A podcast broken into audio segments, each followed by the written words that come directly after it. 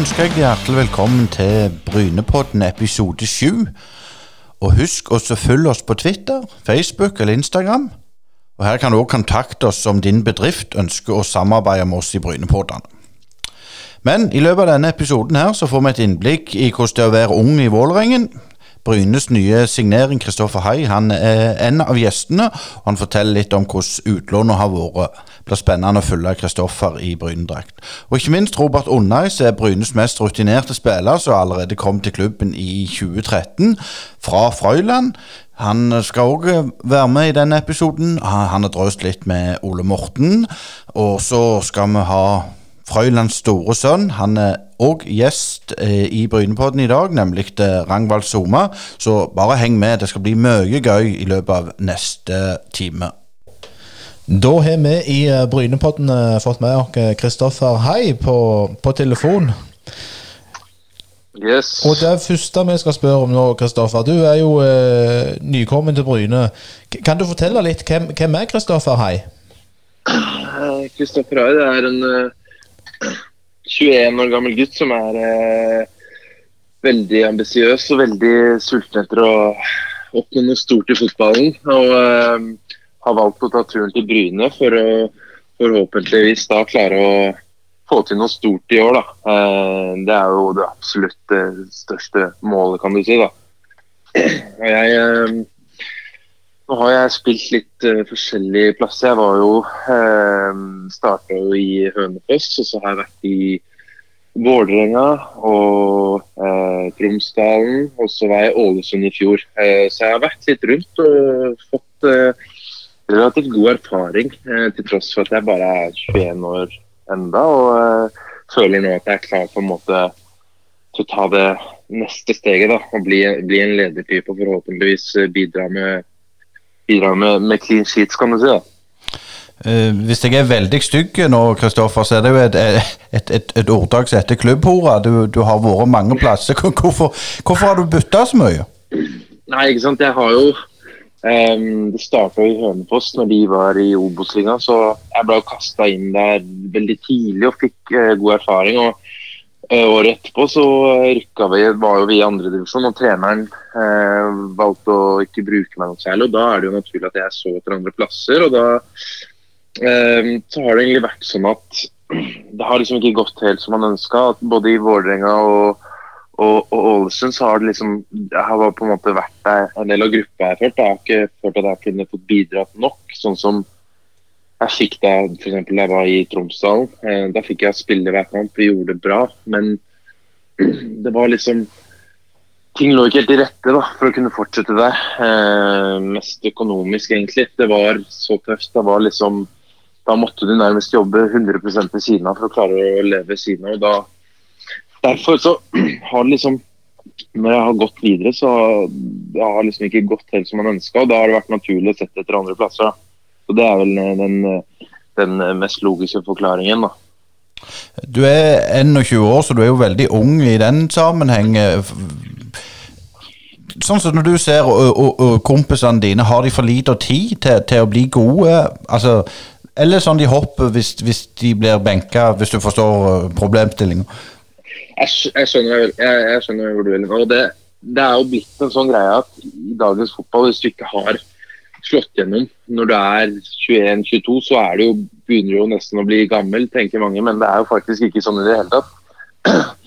Um, når du er 21-22, da skal du du skal få tid. Du skal Jeg mener jo fortsatt at man skal kunne klare å spille seg inn på et lag uansett hvor gammel man er, da. Men det må gi det tid om du ikke har slått gjennom før du er 23-24. Det er liksom Man har fortsatt god tid, selv om man ikke, ikke helt føler det sånn. da. Når du ser liksom spille, unge spillere som slår gjennom i større klubber. og Man begynner jo å tenke mye på det, det er jo naturlig det, men samtidig så må man tenke at man har en karriere varer jo for noen da, frem til man er faktisk 40 år, og det er jo ganske mange år. Så det er jo Om man slår gjennom når man er 25-26, det er liksom det er, ikke noe, det er ikke noe verre det enn å slå gjennom som 20-åring, for å si det sånn. da.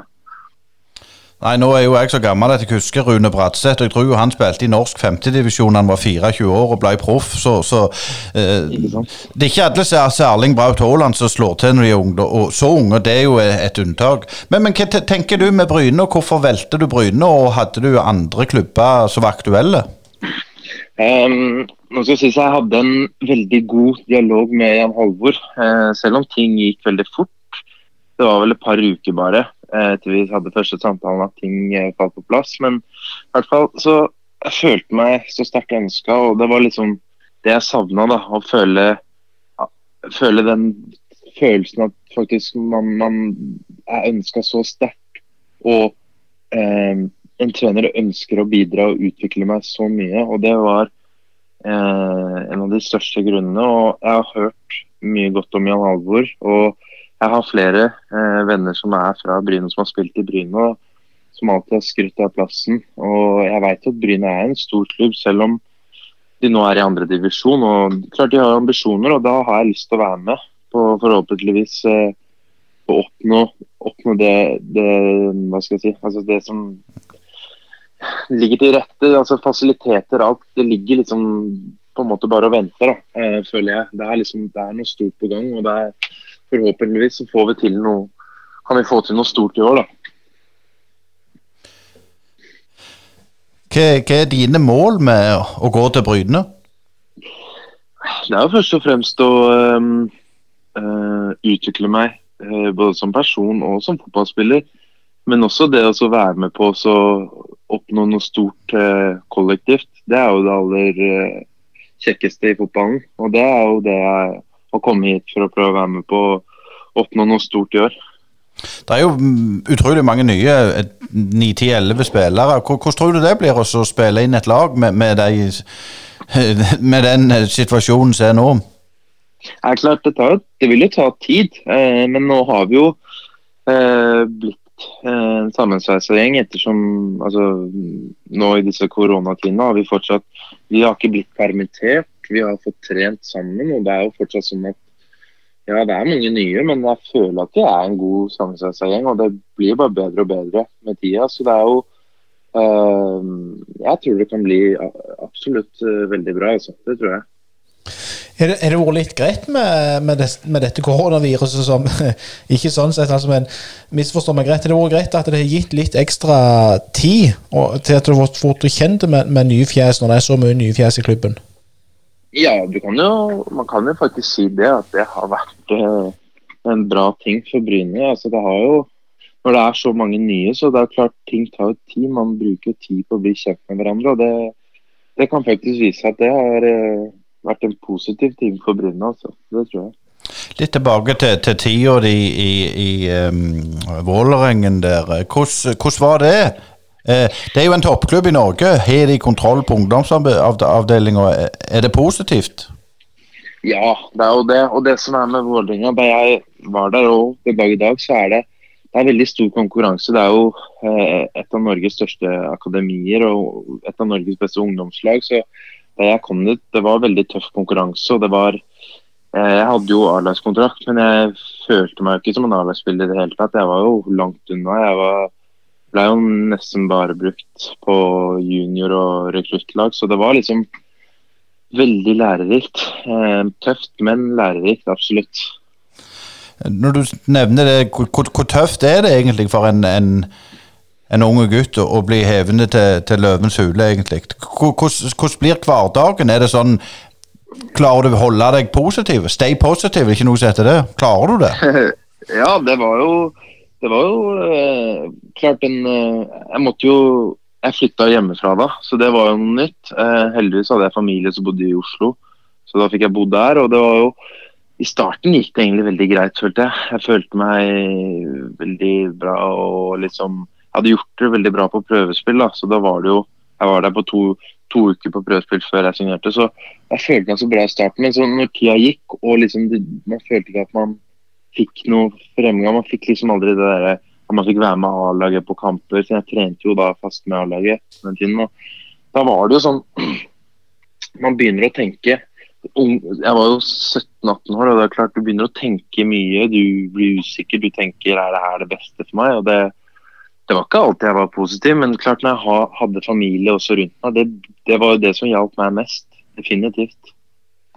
Så hadde jeg ikke hatt, sånn som min storesøster som bodde med meg, hadde ikke jeg hatt hun, så tror jeg aldri hadde klart å, å, å se så positivt som jeg gjorde. Da, til tross for at det ikke ble noe vellykka opphold, så um, vil jeg absolutt si at det var Jeg angrer ikke, fordi det var såpass lærerikt. Du lærer så mye når du er blant som du sier, en av Norges største klubber.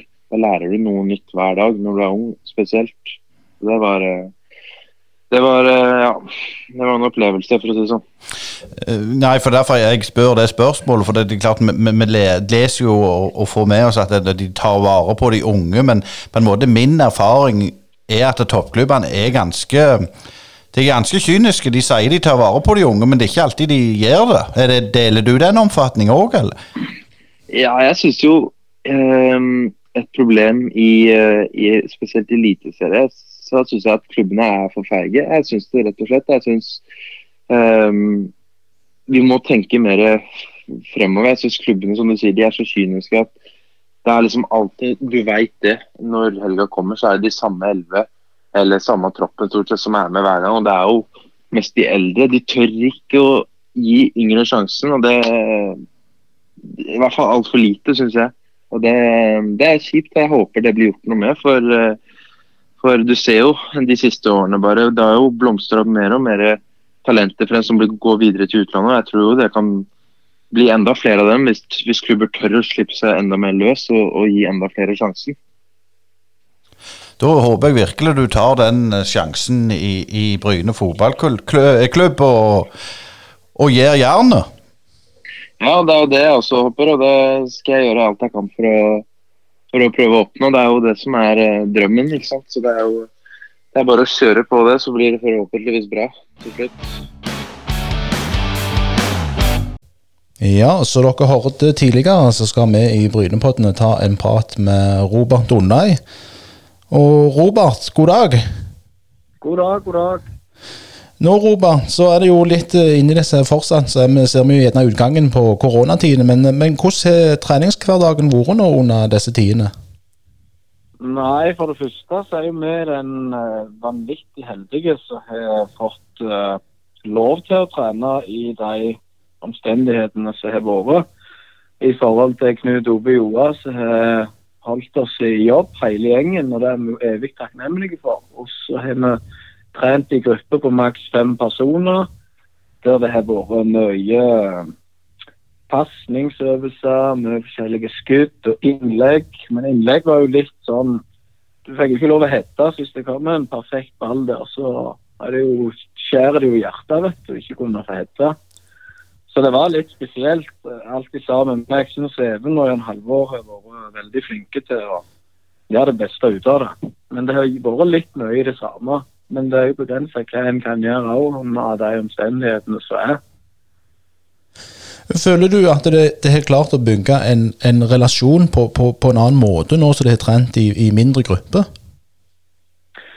Ja, vi har vært delt opp i to grupper i forhold til hele troppen. Så det har vært litt sånn Altså det er jo I forhold til å følge retningslinjer så har vi måttet gjort det sånn. Men så hadde vi, når de da slapp opp litt på ting, så hadde vi en runde der vi gjorde noe annet utenom fotball, der det var litt forskjellige øvelser og bygde samhold på en fin måte. Så jeg mener vi har gjort det beste vi kan for å skape relasjoner, og sånn i forhold til at vi ikke kunne gå på treningsleir, så er viktig for sånne ting. Uh, trening generelt og i garderobe og så jeg mener, jeg synes på banen og sånn òg så har det vært det har vært Altså, vi har gjort det vi kan for å opprettholde det, for å si det sånn. Ja, for nå, nå har de jo fått uh, gode, tid tid og det er gjerne vært greit nå. For, det, for det, Bryne har jo mest signert et, et uh, helt lag. og Hva type utfordringer gir det dere spillere som er der fra før av? Nei, altså vi har jo hatt litt utskiftninger over flere sesonger, syns jeg. Så det, Jeg ser bare på det som uh, det er noe vi fikser i lag. og Det er gode spillere vi har fått inn. og Det er sånn som kommer etter hvert. Altså, Selvfølgelig så er vi ikke det eneste laget der det skjer. Men at uh, vi vi stiller litt på like linje som alle andre lag. Så vi må bare prøve oss å finne ut av uh, sånne ting etter hvert. Men altså, når vi fikk komme i større grupper, så har vi vært, hatt litt formasjonstreninger. Og da har vi fått vært og samla litt mer. og Jan Halvor og Even har sagt hvordan de ønsker vi skal spille. og får faktisk en del tid til å terpe litt på sånne ting som vi gjør ellers òg. Så jeg syns det er relativt greit. Jeg. jeg ser på det som positivt. Det ordner seg. Men Merker du at de nye som kommer inn nå, er, altså passer bedre i den 4-3-3-formasjonen som, som eh, Halvorsen eh, foretrekker? Det er jo litt vanskelig å si gjerne, i forhold til, for det blir jo ikke helt uh, reelt på en måte når vi ikke er motstander. For det, vi har jo ikke lov å gå opp i noe når, når vi spiller trener sånn på, med formasjon. da. Men Så det blir jo ikke helt i forhold til hvordan det ville vært med hvis vi har motstand og disse her tingene. Men eh, når vi terper nok på det, så vil det bli veldig bra etter hvert, tror jeg. Så vi, akkurat nå klarer vi ikke å se at den signeringen og den signeringen er liksom sånn. Men uh, det er veldig gode spillere vi har fått inn, og gode karer. Så jeg tror det vil bli veldig bra. jeg. Nå med så mange nye, så, så kikket jeg gjennom og litt der og, og, ser at du er jo den nå i A-troppen som kanskje har mest uh, fartstid i, i, klubben. Merker du et uh, visst ansvar overfor resten? Ja, klart jeg gjør det. Det. Bryne er klubben min, så det er noe jeg absolutt føler for.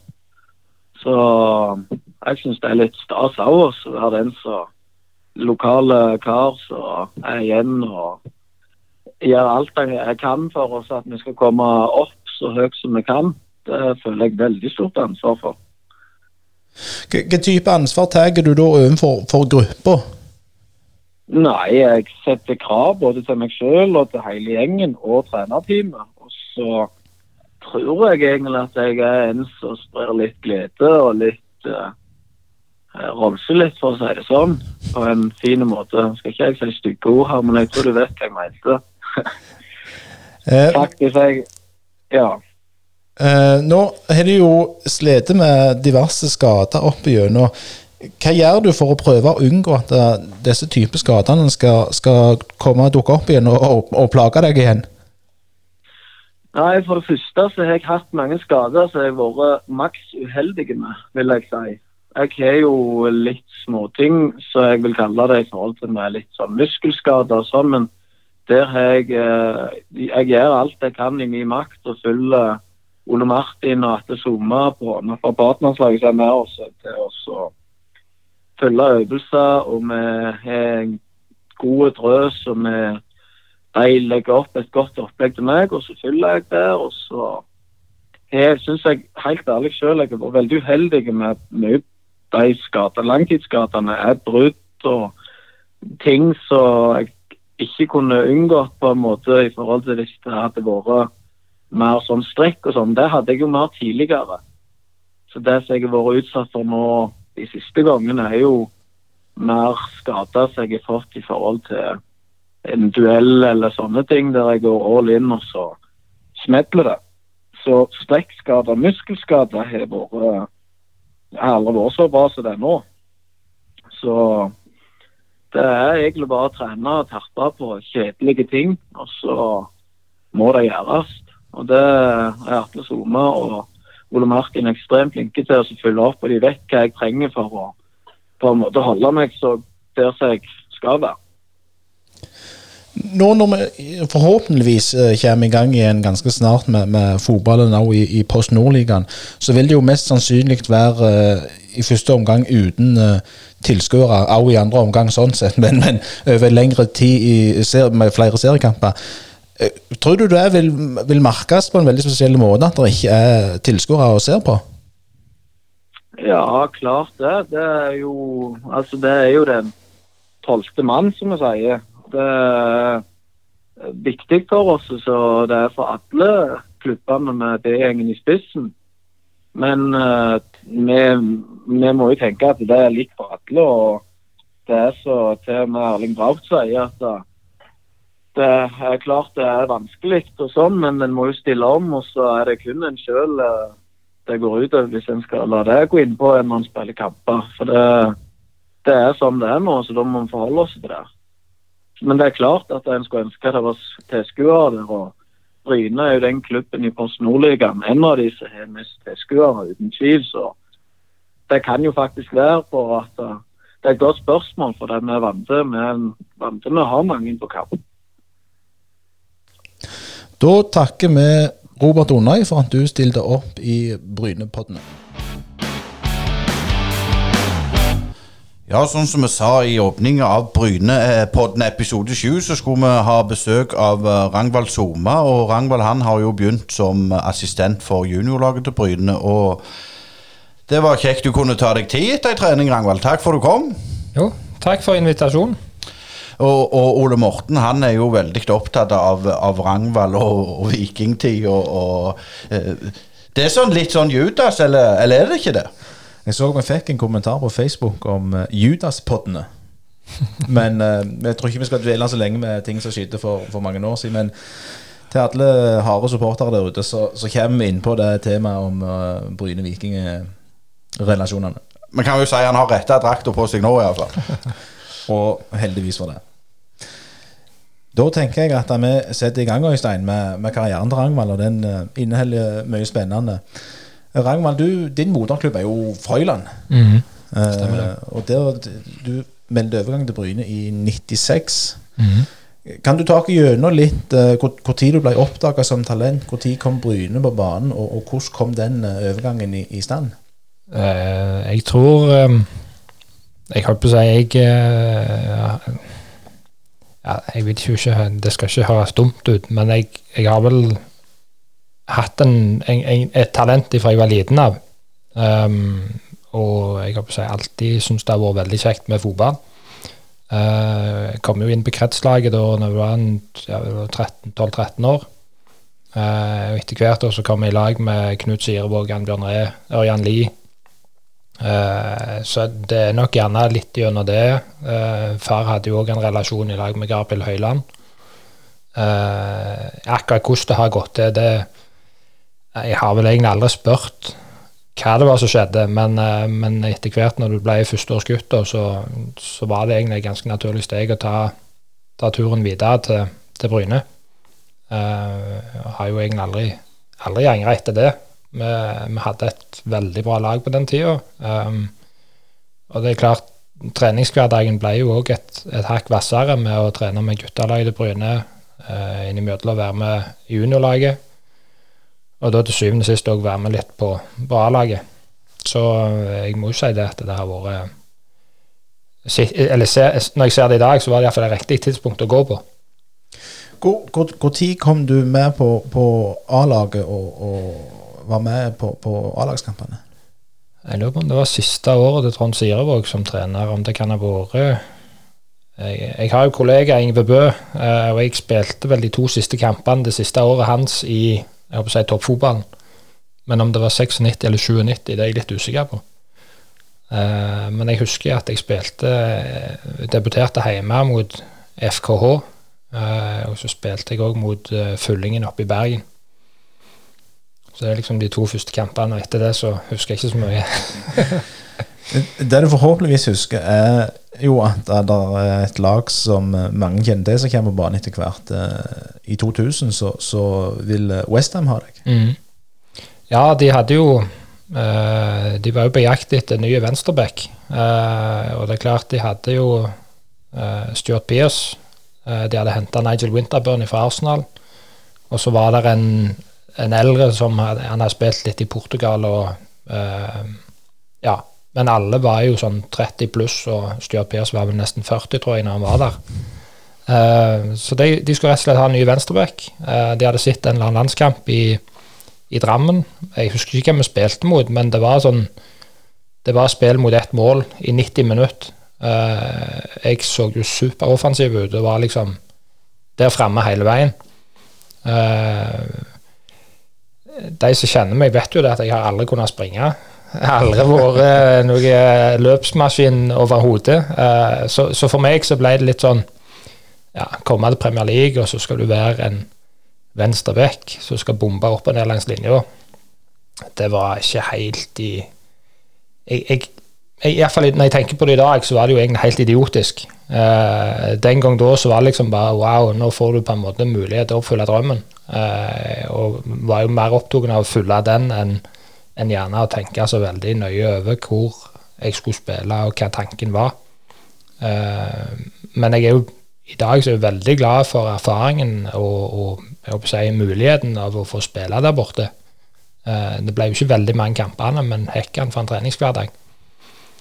Ja, for, for hvordan hvor tid, altså, får du beskjed om at nå, nå er Westham interessert? Og hva er det sånn umiddelbart eh, tanke du gjør deg når du får høre at Westham er interessert? Nei, det blir jo litt sånn eh, det, Hva skal jeg si det, Selvfølgelig bobler det jo, eh, og det er sommerfugler i magen. Og, men vi har diskutert det ofte hjemme at det, egentlig følte jeg at de kampene der jeg visste at det var et enormt press med at det var folk som var så så var det egentlig de kampene der jeg var mest skjerpa og spilte best. Uh, og det var jo for, tror jeg sjøl, for det var noe som jeg virkelig ville.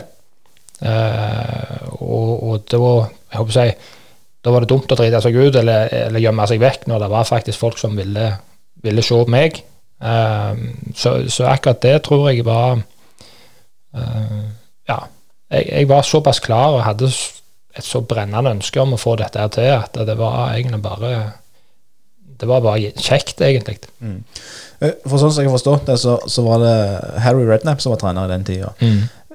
Når du kommer ned til Westham, eh, snakker du da med, med eier og, og Rednap som, som, trener, eller er det bare rett inn på et uh, kontor, og så har agent tatt seg av alt, og så skriver du under? Nei, det var vel um, Hva skal jeg si? Altså, jeg, jeg um, I um, høsten 99, var det vel. Nei, høsten 2000. Så um, ble jeg jo invitert ned, komme og se forholdene. Uh, reise hjem igjen og liksom veldig sånn usikker på hva som skjer. Uh, litt usikker på kulturen der borte, det har jeg jo gjerne hatt en annen uttalelse om.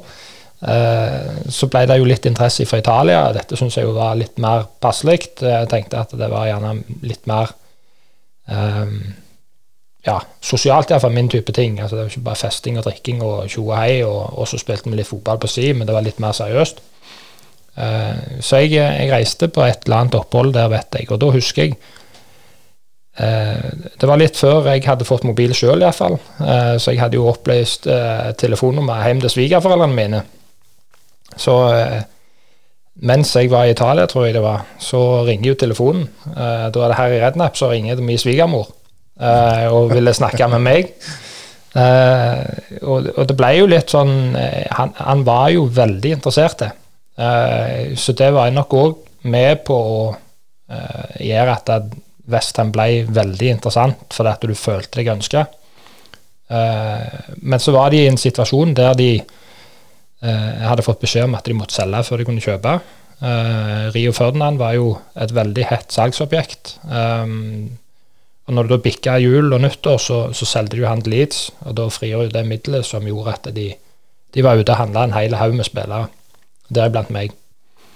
Så eh, Men eh, jeg var Ja, jeg, jeg, tenkte jo først at dette her blir litt gale, for det, det var liksom ja, Vi var jo oppvokste med å, å lese om mer eller enn fyllehistorie fra England og alt det der jalla-greiene som skjedde da. Mm. Uh, men samtidig så var det for dumt å ikke følge drømmen òg. Eh, og jeg, som mange andre i Norge, jo, elsker jo engelsk fotball. Så det å få lov å komme bort der og, og spille med dem, eller spille mot store navn som du hadde sett på RB Fjernsyn, eh, spille med vanvittig gode fotballspillere, så ble jo valget egentlig veldig greit etter hvert. Du, du nevner at du var i Italia. Hva, hva klubber som uh, ville ha deg se mer til deg der nede? Jeg var i uh, Milan, og så var jeg i uh, Nå må du hjelpe meg, Øystein. Jeg, Perugia. Perugia var det, ja. det var jo to forskjellige verdener. ja, så Milan var profesjonelt helt ut. Perugia var vel gjerne ikke akkurat det. det var litt sånn Ja en eier som var veldig spesielle. Um, sånn typisk italiensk sleip eh, nisse, solbrune og mørkt hår med liksom et tonn med gelé flatt bakover. og ja, Du, du fikk, fikk, ikke noe godt inntrykk når du traff med han, for å si det sånn. Uh, men da hadde jeg vært i Milan først, og så var jeg i Perugia. og uh, det kom jo i stand da gjennom Per Bredesen, som da hadde en del kontakter der nede. Um, og han var jo da opptatt av at når jeg da reiste til Perugia etterpå, så var han veldig opptatt av at Milan må iallfall få mulighet til å se treningskampen. Uh, og igjen da litt tilbake til litt sånn useriøst og ja, skulle holde ting for seg sjøl, så, så, ga de ei tid til Per, som han da kunne videreformidle til Milan, at den og den dagen, den, den klokka, skulle vi spille kamp. Og så ble det dagen før på et helt annet tidspunkt. Uh, bare for at de ikke skulle få lov å komme og se. Uh, og jeg, jeg, vet ikke, jeg, vi, vi, spilte mot et sånn et lokalt publag. Det var jo helt idiotisk. Jeg fatter jo ikke vitsen hva, hva planen var rundt det. Men uh, det var jo sånn 7-0 til pause, og ja, det, det var skikkelig jalla. Så, så, da er jeg heller glad at det ble, ble det det ble. og Milan òg ble jo ekstremt svært igjen. sant? Altså, du du kommer der som 18-19-20 år, og så blir du hevet inn på Milanello. Ingen andre får være der enn en spillerne. Um, de andre bodde på hotell i byen, og eh, jeg, jeg, kunne ikke italiensk. De kunne ikke engelsk, så det var liksom Du gikk der og nikka til hverandre og lå inne på rommet. Ikke hadde du fjernsyn, og det fjernsynet var, det var jo med italienske statskanaler, og det gikk på italiensk alltid sammen, så du, du var relativt lost. Så jeg, eh, jeg spurte fint etter andre dag om jeg om jeg kunne få flytte inn til byen til, til de andre, sånn at det gikk an å iallfall kunne snakke med noen. Uh, så det gikk jo greit, da, men, uh, men det, var litt, uh, det var litt spesielt. Så da hadde vi jo òg Det var jo òg en av tingene at Per Bredesen hadde jo samarbeida en del med Einar Bårdsen i den, i den tida der. og Milan hadde vel sitt seg leie på Einar Bårdsen, så han, vi fikk jo klar beskjed om det på hotellet og av klubben at kommer han ned, så fikk han ordna seg sjøl. Uh, eh, og han kom ned og var der nede i et par-tre par, dager og levde godt og hadde det fint. Og den dagen vi skulle reise hjem, da hadde, da hadde han sjekka ut et par timer før fuglene sto opp, og så hadde han tatt av gårde flyplassen og lagt igjen regninga til Milan. Så det er litt sånn du, du, du, fikk treffe en del interessante folk underveis i, i den tida her. Så, og, og, du havna jo opp i Vestlandet, som vi var inne på. Uh, og, og, Harry Redknapp det er jo òg en, en fin type. Hvordan, hvordan, opplever du han som person og, og som trener? Jeg eh, så ham sjelden på feltet. Han var ute en gang på fredags ettermiddag for å se liksom, hva, hva, lag han skulle starte med på, på lørdagen. Um, jeg gjorde jo den store feilen når jeg eh, kom der. Jeg var jo vant med sant? Kenneth Rosén og Rune Ottesen, eh, Geir Herrem, eh, Trond Sirevåg når han var trener. Så det liksom Trond eller Geir eller kan, kan du Har du fem minutter, liksom? Og uh, så kom der ned og liksom Harry, you got five minutes. Så så liksom bare han kneiste med nakken. og så liksom Det var ikke sånn han skulle tituleres. Det var gaffer eller boss eller sant. Det, det var i den gata der. Så jeg, jeg, hadde et par sånne før jeg lærte. Uh, og lagkompisene tror jeg òg hadde det ganske, ganske løye med å ha observert dette her greiene, da, for de, de, visste sikkert hvordan han reagerte. da. Men, uh, men en ting som jeg husker, det var første, første trening etter jeg hadde signert. Så um, sprang vi og varmte opp, og da var liksom første spørsmålet hva, hvor mye fikk Harry for deg? Det var liksom, det var opplest og vedtatt at han, han, han, fikk penger i forbindelse med overganger. og det, det, var liksom første spørsmålet som egentlig noen stilte til meg personlig når jeg var på første treninga. Hvor mye fikk han for deg? Så ehm, Ja, han eh, Ryktene sa vel det at han holdt på å bygge et hus nede i Portsmouth, så var det litt viktig å få cash inn til. Så det, jeg, jeg, vet ikke eh, Han har jo klart å skjule det godt, for han ble jo aldri tatt for noe. Men det, det, det, var ganske oppi dagen at det var sånn det foregikk. Opplevde du at, at media kunne spørre deg om, om det spørsmålet? Nei, aldri det, det, var kun, eh, det, det, var kun de på laget som på en måte var eh, De var innforståtte med det, at det var sånn det fungerte. Og det var sikkert sånn det fungerte òg i England på en periode. at det, si, Skulle du selge en spiller til den klubben, så, så måtte du betale noen under bordet for å få dette her til. Og Han hadde jo henta et par fra Liverpool, bl.a. med Rigo Batzong og Titi Kamara. Uh, begge to på relativt bra kontrakter. Uh, Titi Kamara husker jeg, han ble jo han ble jo aldri brukt, iallfall ikke etter Harry ga seg. og Han ble vel, han neste vel bare mer og mer ut. og de to som tok over, gjorde jo det de kunne egentlig for å mobbe han vekk fra klubben. Han bare smilte, for han visste jo det at han han tjente sikkert mer penger enn både treneren og manageren til sammen. Så han, han, skulle ingen plass. Han skulle bare sitte ut kontrakten han og, og heve lønna som, som, eh, som, han fikk. Så eh, Nei, det, det der er det, er kynisk. Det, men, men, det blir òg kynisk tilbake igjen. Um, du, du, blir på en måte en, en um, enkeltutøver i et, i et lagspill, iallfall der borte. For der var det hver mann for seg når, når alt kom til alt. Det, det, var ikke noe snakk om noe samhold og, og, og teamwork. Det var, det var, snakk om å skinne det mest sjøl. Bare tenker, akkurat når du nevner det, var det på en måte noe som øyla litt for deg òg? At, at det, vi var vant med å hjelpe hverandre? At det ble, ble det et lite sjokk? Ja, det var jo en veldig eh, overgang, da. I Bryne så var du vant med at det var det var alle elleve på banen for å gjøre jobben for, for Bryne. Her var det høyrebekken for seg og venstrevingen for seg, og spissen skulle iallfall skinne litt ekstra med å få et mål og to. Det, det, var litt sånn uvant i forhold til det du gjerne har vært vant med sjøl. Uh, eh, og ble jo nesten pålagt òg at du skulle være en gris når du spilte fotball. Uh, det var jo ikke akseptert. og si, Fair play var iallfall ikke akseptert i, innad i, i, i laget og i klubben. Uh, jeg ble jo jeg ble jo regelrett skjelt ut av å ha spent ned en og tok han i hånda for å hjelpe han opp igjen. Da kom til pausen, da, så var det ikke måte på hva idiot jeg var. som på en måte, Jeg måtte jo være alle, alle spisse strøm og spille mot, for jeg ba jo om unnskyldning når jeg hadde takla dem. Mitt hode er det jo sånn at du kan spenne deg ned, så tar du i hånden, så kan du spenne deg ned igjen. Mens spenner du deg ned og bare går vekk, så vet du at hevna kommer i neste duell. Så det, litt, eh, det, det, var litt annerledes. Uh, samme på trening òg. Trente du med A-laget, så var det snakk om å ta det rolig, stå på beina, ikke takle, ikke takle. Til at du gikk og trente med reservelaget, så liksom kom samme mannen bort og så spør hva i alle dager tenkte du med nå? Altså, Hvorfor spente du han ikke seks fot opp i lufta og liksom fikk han feit av, av banen? Det, og det kunne gjerne skje i løpet av samme dagen.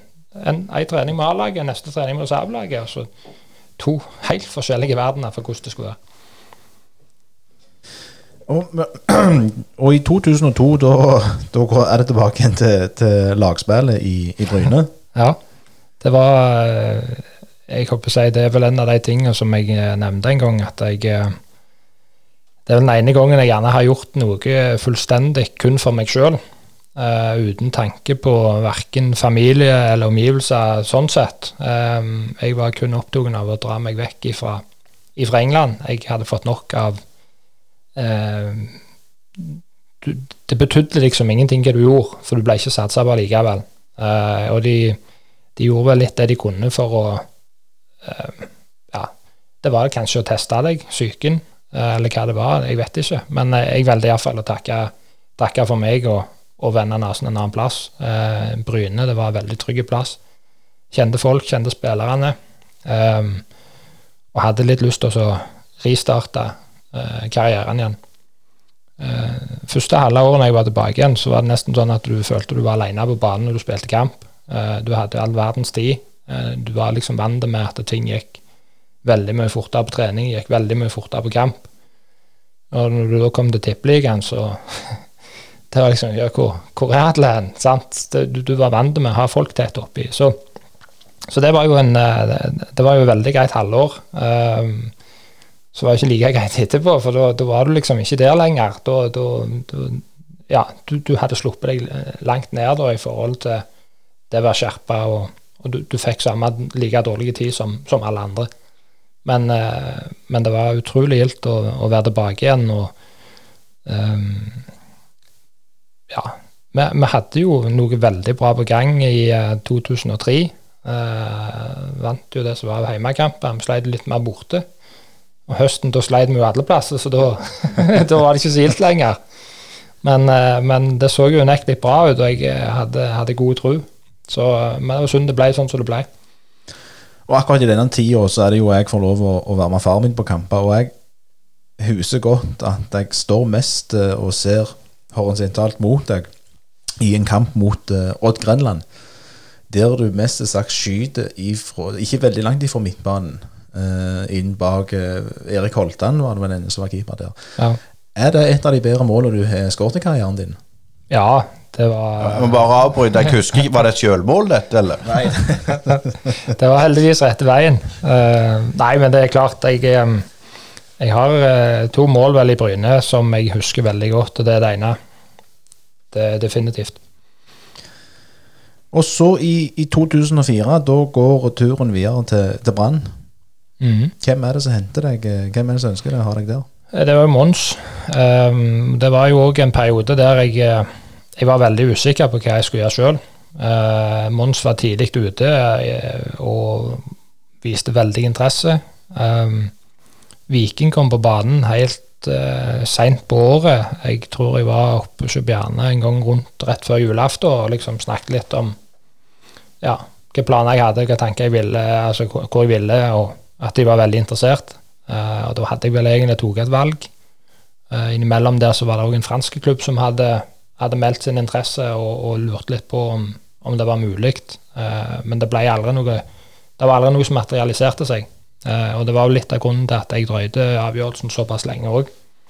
Men eh, når, når valget skulle tas, så var Brann veldig enkelt. For eh, eh, hvis Harry var interessert, så var Mons ti ganger eh, det. Og jeg kjente jo det at jeg ja, Det har vært noe spesielt med Brann. Eh, både med supportere og med si, engasjement rundt klubben, og, og du har på en måte eh, jeg, jeg tror vel neppe du har mer lidenskapelige fans, eh, og iallfall ikke så mange som det du har der oppe. Og der, eh, mens du er i Brann, så møter dere eh, Bryne i cupen i, i eh, 04. Og der tror jeg eh, Og Yoga storspiller, og, og Bryne leder 2-0 til, til pause. Hva, hva tanker går gjennom hodet ditt da, når eh, gamleklubben kommer opp her og, og leder 2-0? For da er jo Bryne et førstedivisjonslag, mens, mens man er i liten. Ja, jeg, eh, jeg skal ikke si at jeg husker så veldig mye av det, eh, annet enn at eh, det å ligge unna, det er aldri gildt. Eh, jeg lærte en gang av en eh, Hva heter Frank Beck, at det lønner å lede til slutt. Eh, det gjorde vi heldigvis, og det var jo det som var med å gjøre da, at vi gikk hele veien i 2004 og vant cupen med, med Brann. Som da var den, den tittelen jeg fikk med meg, men gud så gildt det var. Det var um, det å få oppleve å, å vinne noe som lag, og, og på en måte um, være det beste laget gjennom den sesongen i den turneringa, det, det var kult. Og som du sier, det er jo med, med Brann og supportere, det å komme tilbake til Bergen med, med et gull, det ble en stor feiring av sånt noe der. Ja, det var iallfall for de som var med og feirte det. Jeg, eh, vi hadde vel eh, Må jeg tenke litt, for vi hadde vel ei lita på vei. Eh, og Elin og, og Amalie hadde jo ikke vært på kampen, så jeg tenkte det at når når jeg hadde vært med og vunnet kampen og, og cupfinalen, så, så var det naturlig for meg at vi Da var det kveld. Jeg ble jo skeivt sett på av mange, for det, det var vel den beste muligheten du hadde til å gå ut i Bergen. og ja, du kunne sikkert gjort hva du ville og ikke betalt fem øre for det. Uh, så, så for oss, eller for meg, da, så var det det var opplevelsen av å, å få være med og vinne. Uh, klart det, det, det gjør jo noe med deg når du kommer hjem til Torgallmenningen på rundt midnatt, og det er tjåka fullt med folk. Og det er jo sånn en elektrisk stemning i hele byen. Eh, men så er det noe med det at ok, nå har vi fått oppnådd det vi ville. Uh, vi har vært i byen, vi har fått mottatt hyllesten, og da, da var det greit å pakke bilen og reise hjem igjen. Altså Rett før, når du, når du er i Brann, kommer det et tidspunkt der, der du merker at du havner utføre tankegangen til, til trenere, og som gjør at du ønsker deg videre? Ja, jeg håper å si Vi, vi kommer jo 2005 ble jo litt sånn antiklimaks. Um, og vi hadde jo da fått minste, eller mellomste i dag, da. Men, eh, men da var det, det, var liksom så mye som ble utfordrende. Uh, og jeg kjente det at eh, vi, vi var jo i 2006, var det vel. Da var vi på Vi var først en toveges tur til La Manga, og så var vi en ny toveges tur til La Manga, og så var det meningen at vi skulle til Wien, og så ble det plutselig dårlig vær der, så da ble det Jeg tror det var to uker til til Manga. Eh, da var hun minste da tre måneder, og halvannen av de månedene der hadde jeg vært på tur. Uh, kjente det at det, det tærte på på de hjemme, og kjente vel litt på det at det hadde vært godt å være hjemme. og ja, det, det, det jeg, jeg, kan ikke si at jeg ble prest ut av Brann, for det, jeg, det, var egentlig et eget valg. Uh, jeg signerte en ny forlengelse av avtalen uh, i ja, det var vel i desember i 2005, tror jeg. men det var òg med tanke på at jeg si, ikke skulle gå gratis, for det ble feil. Uh, og samtidig så var det jo òg en trygghet for min del at jeg, jeg hadde en ny avtale. Uh, men jeg tror det ble til det beste for alle at, at uh, Viking var veldig interessert i å komme på banen. så da passet det egentlig ganske greit å reise hjem og få finne litt roen, rett og slett. for det som regel så har jeg vært veldig flink til å kunne skille at når jeg går på trening, så jeg har jeg vært så 100% fokusert på det jeg holder på med, at det har aldri stjålet noe verken energi eller fokus eller noen ting.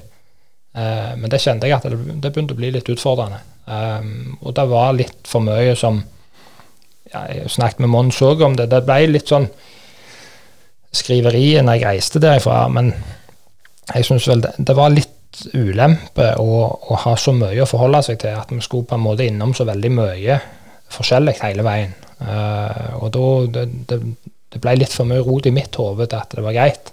Uh, og når da Viking kom på banen, og jeg visste at uh, Brann og Viking kom til å bli enige, så var det en veldig enkel overgang å, å melde. Og du sier jo at du, du reiser hjem, men, men Viking, det ble det litt sånn hjem? Ja, jeg flytta hjem til Kverneland. Nei, men det, det, altså, jeg har jo sagt det til alle. Jeg, eh, det var på en måte i Bryne at jeg gjorde mitt gjennombrudd, eh, og jeg har alltid vært glad i Bryne. Um, og det at jeg gikk fra Brann til Viking, det var for meg et skifte av jobb. Enkelt og greit. Um, jeg vet at det er for mange så er det vanskelig å forstå, men um, jeg tror hvis du klarer å se det på den måten der at det var faktisk bare arbeidsplass, så er det litt lettere å på en måte svelge at det, til og med at de heter Viking når jeg skifter. Men det som er viktig, vi skal ikke snakke så mye om Viking, for det er jo ikke interessant, men vi kan jo snakke om den cupkampen. Den må vi jo Den må vi snakke en del om. Den cupkampen kan, kan, vi godt uh, gå inn på. Det er i, tilbake i 09. Mm. Nå skal du til som vikingspiller. Uh, uh, bare først av alt, når, når, du går til Viking, Opplever du noe av reaksjonene på, i, i Bryne-miljøet? Nei. Du merker, jeg, merker, ingenting til Veldig lite. Jeg husker Med å flytte tilbake til Kverneland, så husker jeg at min store skrekk det var når jeg treffer Svein Harald Kleppe. Det var liksom, og det, og det er ikke tull engang. Min, min store skrekk var å treffe Svein Harald. Hvordan vil han reagere når han treffer meg, og jeg har sagt ja det er Viking? Eh, og det gikk jo over all forventning. Eh, og da kjente jeg at da er det jo greit, da kan jeg på en måte slappe av. For det, det, altså, han har akseptert det, og da tenkte jeg at da har de fleste andre òg på en måte akseptert at det, OK, han har skiftet arbeidsplass. Mm. Eh, og, og, så det, det, gikk egentlig overraskende greit. Men i, i 09 der i tre runder så kommer dere til, til Bryne stadion. Og eh, du er der, Tommy Høiland er der, og lurer på om ikke Vidar Nisje òg er der. Jeg husker ikke, det er bare stort svart hull. Det er litt dårlig om jeg ikke gjør god nok research her, men da i, i skal ordlegge meg sånn, I verste fall så kommer det tre tidligere Bryne-spillere i Vikingdrakt til Bryne stadion. Ja. Merker du noe da, på at nå, når du entrer banen der og, og underveis, at da, får du noe med deg at er, her er stevninga stort sett imot deg? Nei. Jeg, og det, altså, det, det høres gjerne teit ut, men, men jeg har, om det har vært 50 000, eller om det har vært 50 mann på tribunen så er det én ting som betyr noe når du går over den hvite linja, og det er å vinne den kampen. Og du, altså det, Jeg vet ikke hvordan det høres ut for dere eller for andre, men, men du, du, stenger på en måte egentlig alt annet ute. Du er kun der i din egen boble. Du har din jobb som du skal gjøre, og ferdig med det. Så er det altså hva som skjer rundt. Det, det, jeg, ja, jeg, jeg, skal komme tilbake til det litt seinere for mm. å forklare egentlig litt hvor eh, hvor i din egen verden du egentlig er ute på banen. Så, så, når fotballspillere snakker om at ja, i dag var det god stemning og takker supporterne, så er det egentlig ikke fått med seg noe? Nei, jeg, jeg, jeg, vil jo tro det. At hvis de, eh, hvis de har vært på Altså, jeg, må jo si at det, har alltid vært en del av det å være på spille, spille toppfotball, så har det alltid vært en del av det å takke publikum. Men det, for mitt vedkommende så har det mer vært av at de har vært der, og at de er der, og at de på en måte er og støtter oss. Eh, ikke fordi jeg har fått med meg så ekstremt mye av, av hva som skjer. Det, og det er ikke for å være utakknemlig, men det, det, det, er bare sånn det har vært for min, for min del, iallfall. Men, men kampen kommer jo i gang, og, og jeg tror jeg minnes at kampen stopper litt opp igjen, for det kommer noe flygende bluss ut på banen og litt sånn uh, forskjellig så det der, som, som, det kanskje skal være i, i et sånt lokaloppgjør. Men det, det går til 0-0, og så ekstraomganger, så er det fortsatt ingen skåringer. Så skal vi til, til straffesparkkonkurransen. Eh, og der jeg, jeg, har lest om noen tidligere spillere som sier det at de, de er faste i rekka til å skyte. Mm -hmm. Så har de møtt uh, uh, moderklubben, da. Eh, og så har de gitt beskjed om at dette gjør ikke jeg. Mm. Men sånn tenkte ikke Ragnvald Soma. Nei, jeg igjen. Jeg var i min boble. Jeg var i min egen verden. Um, jeg var en av de som skulle ta straffene i Viking. og det var egentlig et igjen tilbake til det, et press som jeg likte å ha. Um, og var helt Jeg var Iallfall sånn som jeg kan huske nå, så var jeg helt rolig egentlig når jeg skulle fram og ta det. Um, så, skjer, så, skjer jo det som ikke skal skje, men eh, jeg, jeg kjenner jo det at jeg, eh, jeg treffer jo ikke med, med standfoten i det hele tatt. Uh, ballen den tror jeg aldri de fant. For den, den, tok av gårde langt bak, langt bak årbakkebanen og enda lenger sikkert. Så jeg Nei, det var, det var skikkelig drit, rett og slett. Og det jeg sier det var drit fordi at jeg var i blå drakt. Og det var jobben min at den ballen skulle i mål. Jeg, var, jeg, jeg har sett alt for meg. Det, og, og, noen ganger så brukte jeg litt det at jeg skulle på en måte visualisere for meg sjøl at OK, ballen setter du der, og sånn blir det. Eh, og stort sett så, så gjorde det det, men eh, ikke den kampen der. Og det det var skikkelig irriterende. Og det, det, verste var jo egentlig at du da nesten fikk den fra egne folk, eller fra Viking-supportere. At liksom, ja, var det med vilje, eller hva tror dere? liksom, Tror du han bomma sånn? At han, og det, det, det, kjenner jeg at det I utgangspunktet så skal jeg ikke bry meg, for jeg, jeg, jeg, vet sjøl at jeg aldri hadde gjort noe sånn. Uh, og, og, da blir det allikevel så forbanna irriterende når folk skal begynne å tenke sånn. For, uh, for meg så hadde det aldri vært et valg, og det hadde aldri vært en tanke. Um, og jeg um, Ja, jeg, jeg, bryr meg ikke sånn i dag, men, men det er klart jeg, jeg, skulle gjerne sett den for å på en måte sluppe det den gang. Vi kommer til å miste lyttere etter denne her. Men uh, for, klarer du å forstå at når det er supporter supportere der ute som, eh, som, som blir skuffa over at du går fram og skal ta det straffesparket mot, mot uh, Bryne Altså, du, du, ser, du, sier du ser på det som en jobb og, og sånn og sånn, men for, for oss supportere så, så, er jo dette på en måte nesten sagt livsverket vårt. Og, ja. og, Forstår du at folk kan føle seg vondbrått og, og skuffa? Ja, altså skal jeg se det fra, skal jeg se det fra en supporter sin synsvinkel, så ja. Det gjør jeg. Uh, og skal jeg se det fra min, så, så gjør jeg ikke det. For det, at det er på en måte en del av min jobb. Og om det var Frøyland, eller om det var Bryne, eller om det var Brann, så var det like naturlig at jeg skulle tatt det straffe uansett. Uh, men, men det, det, det, er klart, jo, jeg, jeg, kan forstå det at folk syns at det var provoserende, at at folk ble forbanna.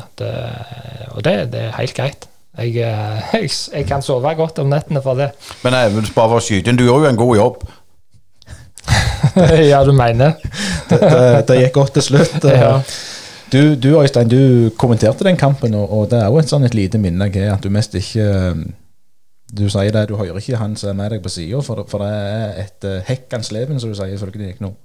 Ja, jeg, jeg, husker det at det var så grassat kaldt. Jeg, det var jo slutt, og, og, det var en, en vanvittig stemning i slutten. og det var vel en drevdårlig fotballkamp, hvis vi skal være ærlige. Ja, jeg kan aldri tenke meg det var noe annet. 0-0 og det, bringer jo litt sånn minne tilbake til Det er litt fælt å rippe opp i for gjerne Bryne-supportere, men eh, jeg tror det er gjerne en del som deler det samme. Jeg så det i, det London og så cupfinalen i 2000. Ja, det var i 2000. 2001, 2001 var det, ja. Og jeg, eh, jeg, husker jo det at jeg eh, jeg kunne jo reve av meg håret med å ha et så negativ innstilling til en cupfinale. Selv om det kom viktige kamper senere på året, så for meg å møte Viking i en cupfinale, det skulle jo ha fordra nesten en krig. Eh, og det skulle ha oppildna, og det skulle ha inspirert til å møte på Ullevål med håp om å ta hjem kongepokalen. For det er 22 mann utpå der. Si at 10-15 av de var lokale, da. Så visste iallfall alle de hva det gikk i. Og du får aldri en sånn sjanse en gang til å spille lokalderby i en cupfinale. Eh, og da prøve å parkere bussen på egen halvdel. Å, hekken. Ja, det var, ja, det var så nedtur at fytti grisen, så sur jeg var. men når, du er eh, Når det har røket ut ifra cupen, og, og, folk ennå leter etter denne ballen etter det straffesparket, så i 2009 da går du videre til Rapid Wien, som gjerne er ditt uh, største fotballeventyr? Mm. Det er definitivt høydepunktet, og det er jeg håper jeg, litt takk til Viking da, for at de ikke vil forlenge kontrakten. Iallfall ikke etter, etter, det jeg ønska. Um, og jeg håper jeg, når jeg fikk muligheten der og reiste ned, så vil jeg vel egentlig si det at de neste iallfall to og et halvt år har egentlig bare vært en drøm. Um, det var Alt klaffa. Vi um, hadde et fantastisk godt liv. Uh, med en fin by eh, med et sosialt nettverk rundt som ikke hadde noen ting med fotballen å gjøre. Uh, fotballen gikk jo veldig bra. Og uh, ja det, det, var de tre, to og et halvt, tre, best, tre åra som var de beste i, i, min karriere, uten tvil. Hva er det, hva er det husker best for karrieren i, i Rapid Wien? Uh, jeg husker godt første kampen vi spilte mot Salzburg. Eh, da spilte jeg mot eh, største stjerner, tror jeg, i iallfall østerriksk fotball. Eh, Mark Janko het han, spiss. Eh, og hadde han jo egentlig under kontroll i hele kampen, og fikk jo eh, utrolig gode tilbakemeldinger på det etter kampen. Um, jeg husker òg veldig godt de to kvalikkampene vi spilte mot Aston Villa i Europaligaen. Uh, vi hadde første Første året jeg kom der, så så jeg på benken på, på hjemmekampen. Uh, vant 1-0. Uh, eh, andre kampen i, i, Birmingham spilte jeg. Ble egentlig relativt kjørte, uh, men vi tapte 3-2, så vi vant jo på totalen. Uh, tok oss inn i gruppespillet. året etterpå så skjer jo akkurat det samme, men da er de så, vil jeg påstå, cocky at de sender jo reservelaget sitt til Wien. vi har kjempeproblem. Eh, jeg vet ikke om det er 0-0 eller en det blir. Og så møter vi de igjen. Jeg tror vi taper faktisk gjerne 1-0 òg. Eh, så tar vi de igjen i, eh, i Birmingham, og så er vi faktisk vanvittig mye bedre enn Aston Villa. Da har de sett ut førstelaget sitt. Vi vinner 3-2 og går igjen videre på bortemål. Uh, og jeg husker vi hadde en 2000-3000 fans med oss. Eh, og i, i andre kampen, når de da bredte ut et banner som egentlig dekker hele seksjonen vår, som er Worst, Worst Nightmare Returns Det er litt sånn Jeg kjenner jo bare det sier det, det, det gjelder sånn gåsehud, og det, du får litt den der um, personen som var der nede, da. Altså, Rapid Wien er jo kjente for å ha ekstremt um, engasjerte supportere, på både godt og på vondt. Eh, litt sånn som i Bergen, men, men enda sterkere. Eh, Så når, når vi da eh, lander på, på flyplassen da etter noen timer fra England og kommer hjem til du egentlig må brøyte deg plass for å komme deg ut i spillerbussen, det er tjåka fullt med folk, og det er ja, det, det er sånn stemning som ja, det, det er veld, veldig vanskelig å egentlig forklare. Så, så har du jo nedturen da med det som jeg skulle fram til tidligere, når du er i din egen, boble. Uh, vi spilte lokalderby mot Austria Wien. Uh, hadde vært en del mishagsytringer på en del sosiale medier sånn, fra en del av de fanklubbene vi hadde. Og så går det jo ti minutter, jeg, så leder Austria 1-0. Uh, eh, det hagler jo ut med slagvåpen og stoler og alt mulig. Hagler ut på banen. Så går det vel en kvart av 20 minutter og så går de opp i 2-0. Og da kommer det jo bare et folkemulder ut på banen fra den ene kortsida. Uh, det var på en måte den der hardcore uh, fankjernen til, til, Rapid. Uh, dommeren blåser av, og, og, du ser jo blårøyken etter han og Austria-spillerne og en del av våre. og meg og en finne vi, ja, vi daffer litt sånn rolig av. Sant? Liksom ikke fått med oss alt hva som skjer, og gjerne ikke helt klar over egentlig alvoret i det. Men når du ser det etterpå, så, så kjenner jeg jo det at det er litt sånn hvor dum i hodet går det an å bli? sant? Altså, du, du, tar jo bare beina på nakken, og så fyker du av gårde. For, for, da var de jo eh, oppriktig interessert i å ta den de kom over. Eh, det, det, de var liksom ikke noe Om det var lilla eller grønt og hvitt, det betydde egentlig ikke en drit. Det var bare å få tak i den første og den beste. Så vi så det jo i garderoben da i et par timer etter kampen. Uh, ja, varmt og fælt var der. Uh, men vi kom oss jo ikke ut, for at eh, politiet mente at det var ikke trygt til å reise hjem til, til huset vårt. Uh, så det var litt Det, det var på en måte baksida med, med, engasjementet i, i Rapid Wien. Okay. Når, du, når, du, kommer hjem til, til familie til en sånn situasjon, så, så, så det der, hva, hva, hva, blir praten hjemme, på en måte? Nei, De spurte jo Elin var den første hun spurte hun var dum i hodet som ikke sprang av banen. Hun hadde jo sittet oppe og sett eh, altså Hun så det jo på stadion sjøl og så dette her. Eh, og opplevde det et ekstremt ubehag med både to unger og, og seg sjøl oppå der, og, og se liksom galskapen som, som, skjer ute på banen. Um, og det er klart det, det skaper jo en litt sånn usikkerhet for, for hva som kan skje neste gang. Uh, det er jo folk som sitter inne i, i, den klanen der, holdt jeg på å si, fordi at de har ja, de har ligget på lur og, og, og, rett og slett overfalt Austria Wien-supportere tidligere. Uh, den saken ble vel ferdig rett rundt den tida når dette her skjedde, og, og, de ble låst inne, rett og slett. Uh, men men der kommer det igjen det som du snakker om supporter. Altså, her hadde du alltid fra fengselsfugler egentlig til advokater og tannleger. Du, du, hadde hele spekteret. Men når de kom på kamp og dro på seg en grønne hvite skjorte og var liksom for å støtte laget, så jeg tror de mistet alt som var avhemning. Det, det, var bare, det var kun én ting som betydde noe. Og når, når ting da ikke fungerte, så, så måtte de få ut frustrasjonen på en eller annen måte.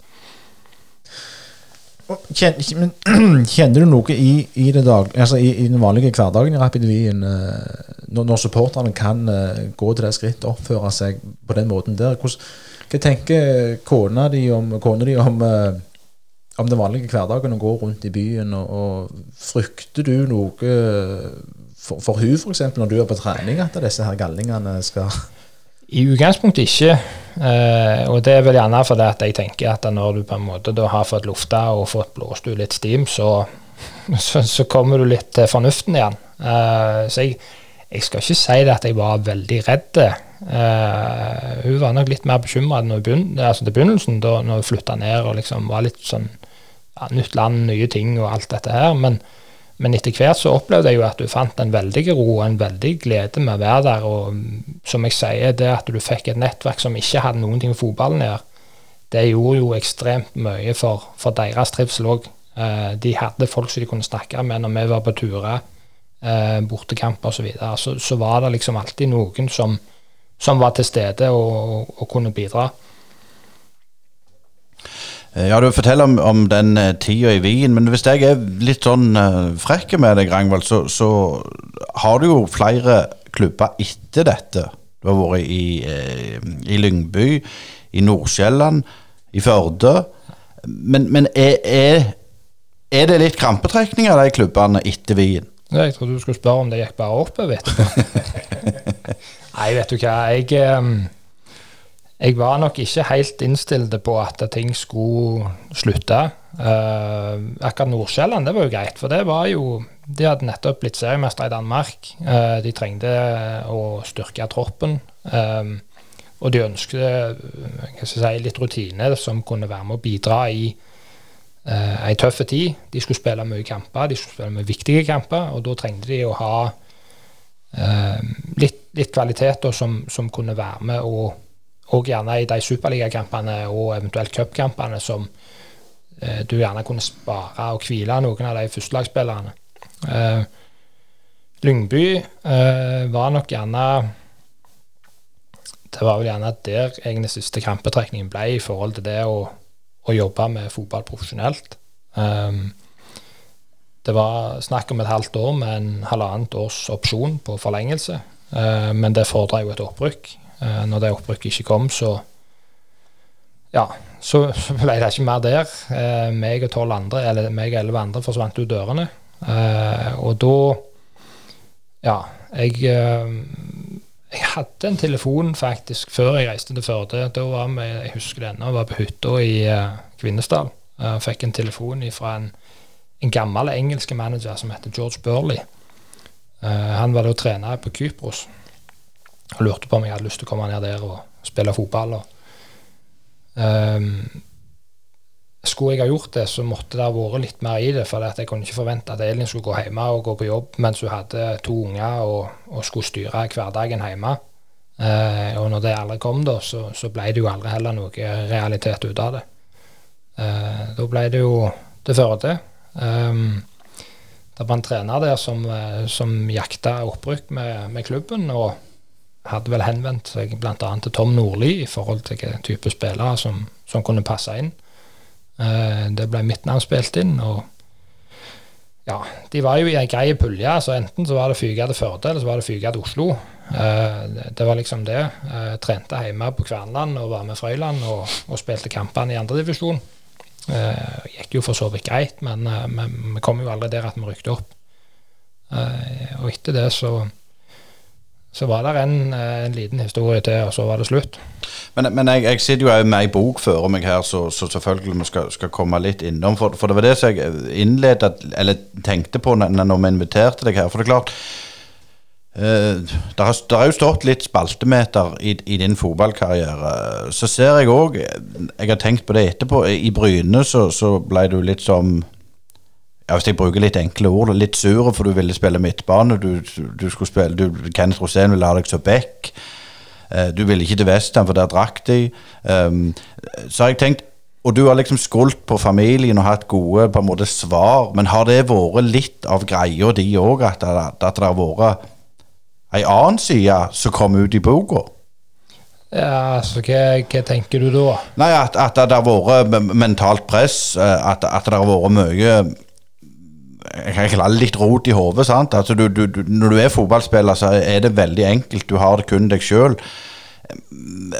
Har det på en måte vært hele veien, eller er det noe du føler kom når, når, når du ikke var fotballspiller lenger? Det har definitivt kommet, iallfall med ekstremstyrke når jeg ikke var fotballspiller. Um, men jeg lever vel gjerne opp til det til det ryktet fotballspillerne har, at vi er ganske enkle. For det er ikke noe som jeg har tenkt så veldig mye på underveis. Um, for meg så har det vært om å Jeg har alltid vært glad i å nyte øyeblikket, uh, og, og vært glad i å ha det kjekt. Uh, og det hadde jeg jo når jeg spilte fotball. Og dermed så ble mm, de iallfall varsel- og faresignalene som eventuelt har vært, de ble iallfall totalt ignorerte i forhold til Det var jo ikke gildt. Eh, og det var nok derfor jeg òg gjorde det jeg kunne for å prøve å, å, forlenge dette her så lenge som mulig. Jeg, jeg, I eget hode så mener jeg jo det at jeg nesten skulle spilt fotball ennå, eh, hvis jeg ikke hadde hatt eh, den pausen. Eh, aldri hatt noe skadehistorikk, aldri hatt noe på en måte som har gjort at jeg ikke skulle kunne klare å holde ut eh, og gjøre den jobben. Eh, men når det på en måte ble slutt på den måten det ble slutt på, så, så kjente jeg at da var jeg på en måte ferdig. Eh, Jeg spilte et par år i Frøyland bare for å være med og, og ha det gildt og, og, og gi litt tilbake igjen til, til mottakerklubben. Men eh, mentalt så var jeg nok eh, relativt ferdig. For, for det som er litt når du, når du leser boka Det jo, kan vi jo reklamere litt for her. eh, Zoma, en, en ball har to sider, utsiden og innsiden. Den kom vel i, i 2017. Eh, Men, men der, der ser vi òg en del innblikk på, på, på personen. Eh, For det er klart Når jeg sier at du går ut i media og er litt eh, Kall det cocky. Du skal spille der og du skal spille der, og eh, du har trent med Milan.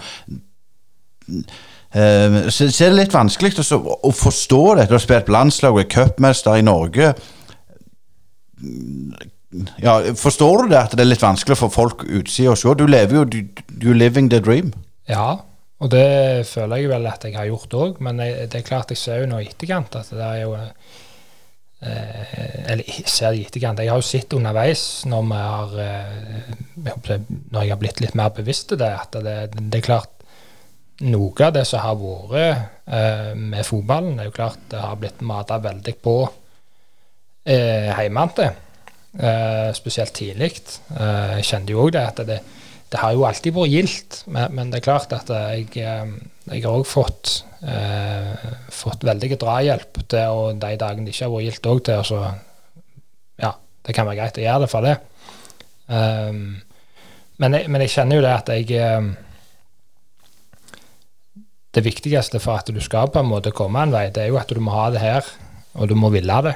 Uh, og jeg innså jo det etter hvert sjøl òg, at det var jo faktisk Jeg ville det jo. Eh, den dagen jeg lærte at du kunne leve av å spille fotball, herre mann. Hvem, hvem ville ikke det? Eh, og forsakte jo egentlig det som måtte forsages for å få det til.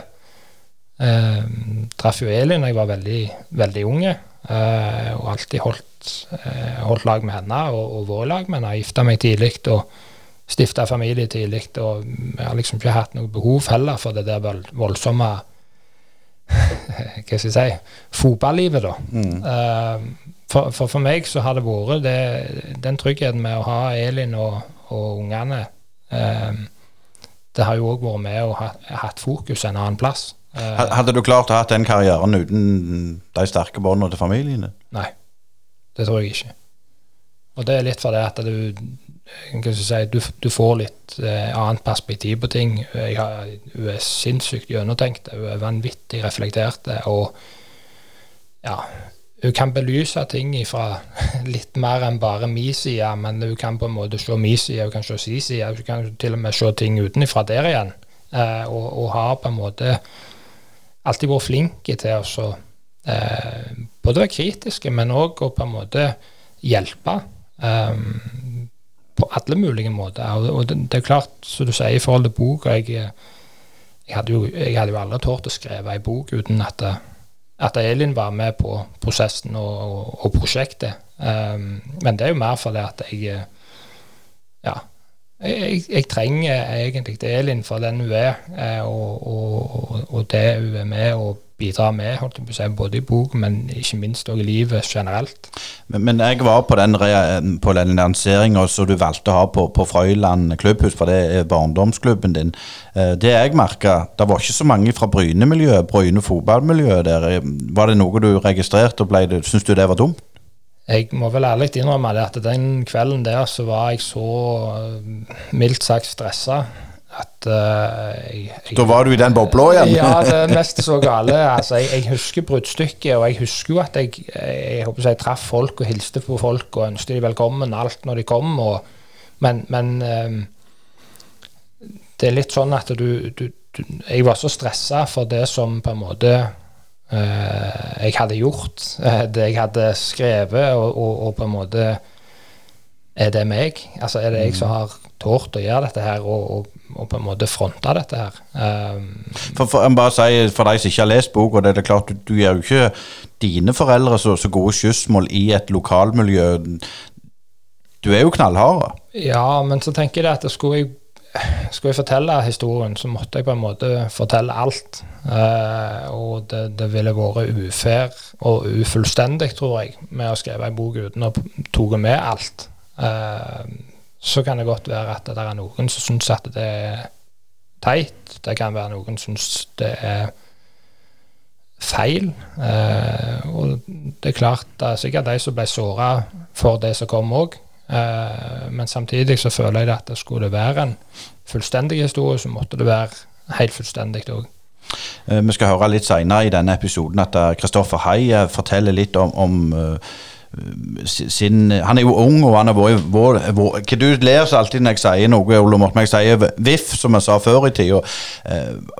Og, og, det virker jo så at folk har ikke blitt bedre i klubbene til å vare på unge talenter når, når, når, de ikke spiller. Hva er din oppfatning når du kommer til Bryne nå, i forhold til når du kom? Nei, jeg holdt på å si Jeg tenker jo for min egen del så skal iallfall jeg være den som uh, skal være med å se uh, de spillerne som er i klubben. Uh, om det er nummer 1 eller nummer 22, så skal de allikevel bli sittende når de er på, på trening. Uh, jeg kjenner jo det at det, det er klart Vi har jo opplevd eh, Spesielt jeg, jeg, fortalte vel deg her for en tid tilbake når jeg var i Ipswich sjøl. Uh, da var jeg ikke mer enn 13-14-15 år gammel. Uh, der satt han stakkar fra Hongkong. Uh, kunne ikke kløyve ord engelsk. Snakket kun kinesisk. Uh, og engelsk ungdom på 13-14-15 år, det er ikke akkurat verken skarpeste knivene i skuffen eller, eller, eller så veldig hyggelige med folk. Uh, så sitte og høre de sitte og banne steikende opp etter, uh, opp ørene og sitte og smile og flire av han, og liksom han ikke egentlig forsto en drit og bare smilte med dem. Uh, det er ikke sånn det skal være. Og, og, Derfor så tenker jeg at uansett om det er, om det er en stor klubb hvis du sammenligner Bryne og Ipswich, da, at Ipswich er en stor klubb, eller om det er en liten klubb som Bryne, så, så må vi ta vare på alle. og vi må se alle. Og de skal føle seg ivaretatt når de er der. Um, ja. Du nevner litt i boka Geir Herrem. Betydde han mye for deg i, i de første åra i Bryne? Ja, jeg syns Geir var en kjempetrener. Eh, jeg likte han veldig godt på um, men det, det, det, gikk jo igjen da. sant? Altså, han hadde da stort sett ansvaret for treningene og gjennomføringen av dette her. Og så hadde du en Kjell Døhl og du hadde en Alf Amundsen som var med, og som på en måte ja, sørge for at du hadde det sosiale. Du, de, var liksom der og gleipte og lo og flirte og, og, og, kunne komme med noen innspill av og til som var veldig fornuftige, og andre ting som jeg håper jeg du holdt på å skattle deg i hjel av. Og, og, sånn tenker jeg at det må, det må, være litt, men samtidig så tenker jeg at vi må òg, iallfall i dag, tåre å stille litt krav til, til ungdommene. Uh, ja, for det har du sagt at du, du, du syns det var en voldsom forskjell ja. nå og da. Ja, og det, og det, tror jeg det går litt på at uh, Jeg vet ikke. Det, det, er ungdommer i dag. Jeg har ei på 20 sjøl, og, det, og det, er klart at det, uh, de er ikke like uh, vante med gjerne måtte ta seg for og, på en måte ta, Eller ta for seg, da, og, og, og kreve og Eh, det er gjerne blitt litt enklere i dag. Jeg vet ikke om det Altså, vi har det rett og slett litt for godt. Eh, jeg savner litt mer den der at du med en tilstedeværelse med, med å kreve av andre, kreve av deg sjøl. Vi er litt for fornøyd i dag. Vi er litt for fornøyd med bare Om det er her i Bryne, eller om det er i Viking, eller om det er Rapid Wien, så er det altså Vi, vi er så fornøyde med bare å få trekke på oss eh, merke mm. og, og drakta. Men Eskeland sa jo det at det var en stor forskjell nå med tanke på det på hierarki. Når du var spiller, så var det hierarki i klubbene, det er det ingen ja. tvil om. Er det noe hierarki på, på juniorlaget? Nei, jeg, jeg, savner vel òg litt den der at du har de eldre som jeg håper si, kommanderer de yngre rundt, henter baller, kjegler og vester og, og sørger for at utstyret er inne når, når treninga er slutt. Eh, og, og, det så jeg når jeg var i Frøyland, og det så jeg når jeg var i Klepp, og det så jeg her i Bryne. at uh, den tida er jo ikke sånn lenger. Um, jeg, jeg, må bare si jeg, en fin historie. Første kampen etter Bryne rykte opp i, i Tippeligaen mot Start hjemme, så ble du benka, og da sa Kenneth Rosén at du var ikke vær å, å, å, å ta vannflasken engang. det stemmer, det. Så, så, så, så Og det, jeg synes det, det er jo litt, litt strålende. Men, men, men det som du sier, men er det en fordel at det er for snilt, eller kan det bli på en måte for snilt? Er Bryne blitt en sånn en kose breddeklubb? Jeg skal ikke si om de er det eller ikke, men, men jeg mener det at vi må kunne stille mye mer krav til hverandre. Eh, både at eh, klubben skal kunne stille krav til oss som trenere, men vi som trenere skal kunne stille krav til spillerne, og spillerne skal kunne stille krav til oss. Eh, og, og jeg syns vel det at vi er litt for snille, men, men det vet jeg at vi var òg i den tida når jeg spilte sjøl òg, så var norsk fotball for snilt. Uh, når du så hvordan det var internasjonalt. For det Ja. Men helt til slutt, eller iallfall det er en del i, slutten og Rangvald, vi har snakket eh, godt. Men, men sånn til, for din egen del, ambisjonsnivået videre Altså, jeg, Du sier jo sjøl du skulle spilt, men jeg sier du er for gammel og for dårlig. Så der, der, der er vi ferdige. Men, Ja, nå er det greit. ja, men, men har, har du lyst til å, å trene og, og, og, jobbe med fotball i framtida? Jeg kunne godt tenkt meg å jobbe med det jeg holder på med nå, og det være med å utvikle unge spillere. Eh, jeg syns det er, det er veldig mye spennende i laget uh, i Bryne nå i dag. Uh, jeg kunne godt tenkt meg å jobbe gjerne enda høyere opp i, i på enda høyere nivå. Jeg hadde jo søkt om A-lisenskurs i år. Jeg kom jo ikke inn da. Men samtidig så kjenner jeg det at det er det å få være med og, og, og hva skal jeg si, påvirke, iallfall der det er mulig å påvirke unge spillere at eh, Jeg vet hva som krevdes på den tida. Eh, jeg tror ennå at mye av det kreves den dag i dag hvis du skal faktisk leve av å spille fotball. Så er det eh, det er en hel del ting du må forsake. Det er en hel del ting som du må si, kreve av deg sjøl for å få det til. Nå har vi jo snakket en god stund, eh, Ragnvald. Jeg har jo gitt deg ei lita heima- heimalekse òg, jeg. Ja, du har det. Det var krevende lekse. Nei, Du skulle sette opp elveren som du har spilt med, så, så er førsteelveren til Ragnvald Soma Ragnvald Soma All Star. Ja. Det, ja, det, jeg håper å si det var ikke bare 11 som kom her på det laget. jeg måtte ha med noen tillegg. Så hvis eh, Jeg har jo satt opp eh, Jeg måtte jo ha med noe lokalt òg, så jeg selvfølgelig er Roger keeper. Eh, som han eller David James er den som står i mål, det, det, det tør jeg ikke si, men eh, de er med på laget begge to. eh, i, I kraft av det, det som de var som, som spillere. Eh, jeg har en eh, Michael Parkhurst som jeg spilte med litt i, uh, i Nordsjælland. Han reiste vel til Tyskland og etterpå. Eh, en sykt dyktig høyreback. Um, så kom jo det vanskelige med å sette opp uh, stopper, uh, for der har vært mange gode der òg.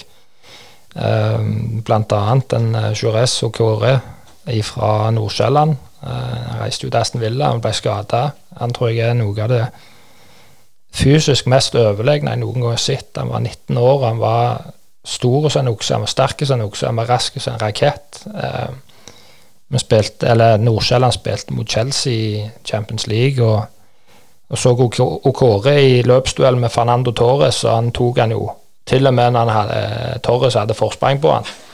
Så han var, han var rett og slett helt rå. Um, og så hadde jeg jo uh, Olli Bjarnason, som jeg spilte med i Brann. Eh, og Klaus Lundekvam, som jeg da fikk være med litt med på landslaget. Som selvfølgelig er fantastisk gode midtstoppere, alle sammen. Um, så ble det jo et krav da at jeg måtte være med sjøl. så har jeg satt opp en eh, Markus Katzar og Erlend Hanstveit som uh, venstrebacker. Som da eh, Ja, Katzar var eh, offensivt våpen som det holdt i, i Wien. Skåret mye mål. Erlend, veldig rolig, tekniske venstreback. Uh, midtbanen så har jeg satt opp uh, Nikolai Stockholm, som da egentlig etter vikingtida fikk sitt største oppsving i karrieren og debuterte på landslaget som 5-36-åring og spilte mange landskamper etter det. Uh, han har jeg da slash Steffen Hoffmann, som da var kapteinen i Østerrike, som da òg var en ja, Han kunne drible ti mann i en telefonboks og ennå komme uten ballen i beina. Han var helt rå. Um, så er det vel gjerne egentlig den um, Han var nok ikke den beste, men gikk vel gjerne hen og bli det er jo Michael Carrick og Frank Lampard uh, fra, fra Westham. Um, så har jeg òg en Markus Eiken og en Martin Andresen som alternativ i, på midtbaneleddet, da. Eh, der begge to er um, fantastiske fotballspillere og skikkelig vinnere, begge to. Um, og de verste, det er jo de to som da egentlig skulle spille på topp, for der har jeg vel egentlig seks mann som jeg har valgt å ta med. Uh, jeg hadde en uh, Jelavic som jeg spilte med i Wien, og en Salihi som jeg spilte med i Wien, som var uh, Ja, Salihi var jo en såkalt natural born goalscorer. Han skåret mål og hadde nese for å være akkurat der ballen kom. det var aldri noe drylere i vinkel, men han var alltid på plass der han skulle være.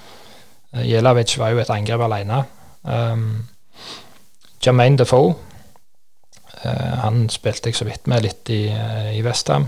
Uh, så må jo ikke glemme De Canio, som selvfølgelig var den store helten i, i Vestham. Uh, Yusuf Paulsen, som jeg spilte med i Lyngby, som da gikk an å bli uh, Han er vel i Leipzig, uh, Red Bull, i dag. Og så kan jeg jo ikke glemme Peter AJ, som da var òg en à la Salihiba, dette. han kunne faktisk brenne ballen i vinkelen fra 20 meter. Så det er um, der var det et par gode fotballspillere som jeg har fått lov å spille i lag med. Ja, det var et, et, et brukbart lag det, Ole Morten. Det var det. Uh, vi må nevne det. Jeg er litt skuffa over at hele to vikingspillere med.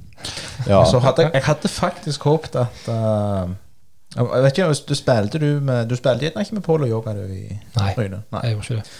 Da er det grunnen til han ikke er med. Ja, det er en, en god grunn. Men eh, vi skal òg ha en konkurranse i Brynepodden. og så Hvis du deler denne episoden på Facebook, så er du med i eh, ei trekning om å vinne Rangvald Somas i eh, bok.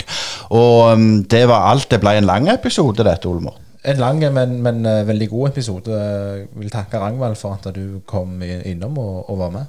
Takk nok en gang for at jeg ble invitert.